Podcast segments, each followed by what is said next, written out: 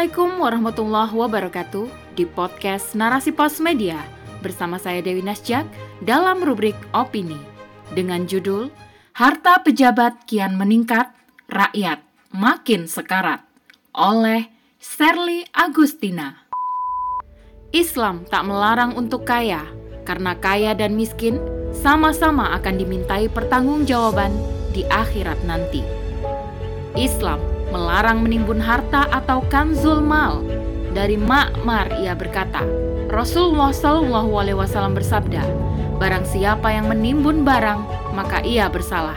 Hadis riwayat Muslim. Selengkapnya tetap di podcast Narasi Pos Media. Narasi Pos, cerdas dalam literasi media, bijak menangkap peristiwa kunci. Allah mencela hambanya yang menumpuk atau menimbun harta. Di antara firman-Nya, yaitu di dalam surat At-Taubah 34-35. Ingatlah, pada hari ketika emas dan perak dipanaskan dalam neraka jahanam, lalu dengan itu disetrika dahi, lambung, dan punggung mereka seraya dikatakan kepada mereka, inilah harta bendamu yang kamu simpan untuk dirimu sendiri. Maka, rasakanlah akibat dari apa yang kamu simpan itu Pandemi dan krisis yang terjadi membuat rakyat gigit jari, namun tidak bagi pejabat negeri ini.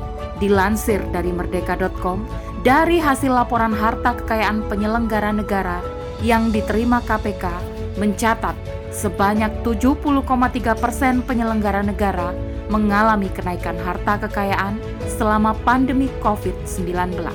Bahkan mencapai di atas 1 miliar mulai dari jajaran menteri hingga DPRD. Utang negara kian meningkat, pajak semakin mencekik rakyat, dan angka kemiskinan pun meningkat. Bahkan, rakyat untuk memenuhi kebutuhan sehari-harinya saja dalam kondisi terhimpit kesulitan. Rakyat butuh empati dan bantuan dari pejabat negeri, tapi itu hanyalah mimpi. Kenyataannya, pemilik harta yang banyak itu tidak memihak kepada rakyat sama sekali. Ke mana rakyat mengadukan semua kesulitannya jika mereka yang diamanahi mewakili rakyat saja tak peduli? Para pejabat setelah mendapat jabatan bukan menjalankan amanah, tapi sibuk memperkaya diri dan menumpuk harta. Kapitalisme memfasilitasi manusia agar semakin rakus terhadap harta dan dunia. Buktinya, harta kekayaan pejabat sebelum dan setelah menjabat melesat dengan cepat. Sementara di sisi lain, rakyat semakin terjepit dan sekarat. Menurut data Badan Pusat Statistik, jumlah warga miskin di Indonesia pada Maret 2021 mencapai 27,54 juta orang. Meningkatnya angka kemiskinan karena kebijakan pandemi yang tak tegas di awal. Upaya untuk memulihkan kondisi ini memerlukan waktu yang cukup lama. Begitu menurut peneliti. Berdasarkan data BPS, kategori miskin yaitu yang pengeluarannya di bawah 460 ribu per orang atau 2,2 juta rupiah per keluarga per orang. Banyak yang bertanya, apa penyebab harta kekayaan para pejabat meningkat selama pandemi? Padahal kondisi rakyat berbanding terbalik dengan kondisi para pejabat. Penguasa di negeri ini plus sebagai pengusaha menjadi salah satu penyebab harta terus meroket. Pertanyaannya, bisnis apa yang dijalankan selama pandemi dan di tengah krisis saat ini sehingga harta bisa naik tajam? Jika bisnis yang dilakukan wajar dan bagian dari usaha yang selama ini dijalankan, maka publik takkan heran. Begitu juga jika kenaikan harta tidak meroket drastis. Namun, apabila usaha yang dilakukan adalah menjadikan lahan basah bisnis atas penanganan COVID-19, di antaranya vaksin, alat kesehatan, tes PCR, maka tindakan ini tidak dibenarkan. Bagaimana bisa pejabat yang menjadi wakil rakyat mengambil untung di balik penderitaan yang mendera rakyat? Tak dapat dipungkiri jika penguasa merangkap pengusaha ditambah sistem kapitalisme yang serakah memberi jalan, hal ini bisa terjadi. Pejabat dalam kapitalisme ketika mendapatkan jabatan sibuk memikirkan balik modal karena pengorbanan dana yang telah dikeluarkan oleh mereka selama kampanye dan pemilu tidak sedikit. Ketika pun para pejabat menjadi wakil rakyat, maka dipertanyakan mewakili rakyat yang mana? Apakah segelintir rakyat para pengusaha yang sudah banyak membantu menggelontorkan dana selama kampanye dan pemilu? Padahal suara rakyat kecil telah mereka ambil ketika pemilu. Mereka pun bersumpah ketika menjabat akan menjadi wakil rakyat yang baik. Nyatanya, sistem demokrasi kapitalisme telah merusak hubungan antara rakyat dan penguasa, sehingga penguasa sibuk dengan dirinya sendiri, bukan sibuk memikirkan rakyat. Apalagi kondisi pandemi dan krisis saat ini, rakyat bawah menjerit karena untuk memenuhi kebutuhan sehari-hari saja sulit.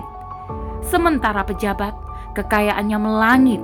Kapitalisme juga menjadi penyebab kesenjangan yang nyata antara si kaya dan si miskin. Jauh berbeda dengan Islam. Penguasa benar-benar mengurus urusan rakyat, mulai dari terpenuhinya kebutuhan pokok hingga kolektif. Penguasa sibuk mengurus rakyat, bukan memperkaya diri di atas penderitaan rakyat. Hanya dorongan keimanan ketika menjalankan amanah sebagai penguasa sadar bahwa amanah sebagai penguasa akan dimintai pertanggungjawaban di hadapan Allah. Jika ada kekayaan di jajaran pemerintahan yang meroket drastis, maka akan segera diusut. Apakah kenaikannya hal yang wajar atau tidak wajar? Kalau terbukti kenaikannya tidak wajar, maka pilihannya adalah amanah yang diemban oleh orang tersebut digantikan oleh orang lain untuk menghindari kembalinya hal-hal yang tak diinginkan. Kemudian, pejabat tersebut diingatkan agar terikat hukum syariah. Negara fokus menjamin segala kebutuhan rakyat. Barang dan jasa diupayakan agar bisa terdistribusi dengan merata, sehingga kesenjangan dapat tersolusi oleh sistem ekonomi Islam. Dengan begitu, keseimbangan ekonomi dapat terwujud dengan baik. Allah Subhanahu wa taala berfirman dalam surah Al-Hasyr ayat 7, supaya harta itu jangan beredar di antara orang-orang kaya saja di antara kamu. Islam memiliki konsep yang jelas tentang ekonomi. Semua rakyat per kepala terpenuhi kebutuhan pokoknya, sehingga harta tidak hanya beredar di kalangan orang kaya saja. Islam tak melarang untuk kaya, karena kaya dan miskin sama-sama akan dimintai pertanggungjawaban di akhirat nanti. Islam melarang menimbun harta atau kanzul mal. Dari Makmar ia berkata, Rasulullah Shallallahu Alaihi Wasallam bersabda, Barang siapa yang menimbun barang, maka ia bersalah. Hadis riwayat Muslim. Setiap kepala dijamin kebutuhan pokok dan kolektifnya agar merasakan kesejahteraan. Karena keimananlah menjadi pengontrol kehidupan negara di dalam Islam mewujudkan keseimbangan agar tidak terjadi kesenjangan, sehingga praktek menimbun harta sangat kecil kemungkinan terjadinya. Sadar bahwa menumpuk atau menimbun harta dilarang, dan di akhirat akan dihisap. Hanya Islam satu-satunya sistem yang menjaga manusia dari perbuatan dosa. Betapa Islam menginginkan berjalannya manusia di atas rel yang benar agar ketenangan dapat dirasakan. Islam pun mengkondisikan manusia sibuk mempersiapkan bekal untuk pulang ke kampung akhirat. Rindu Islam diterapkan, mari menjadi bagian para pejuang di dalamnya. Wallahu a'lam bishawab.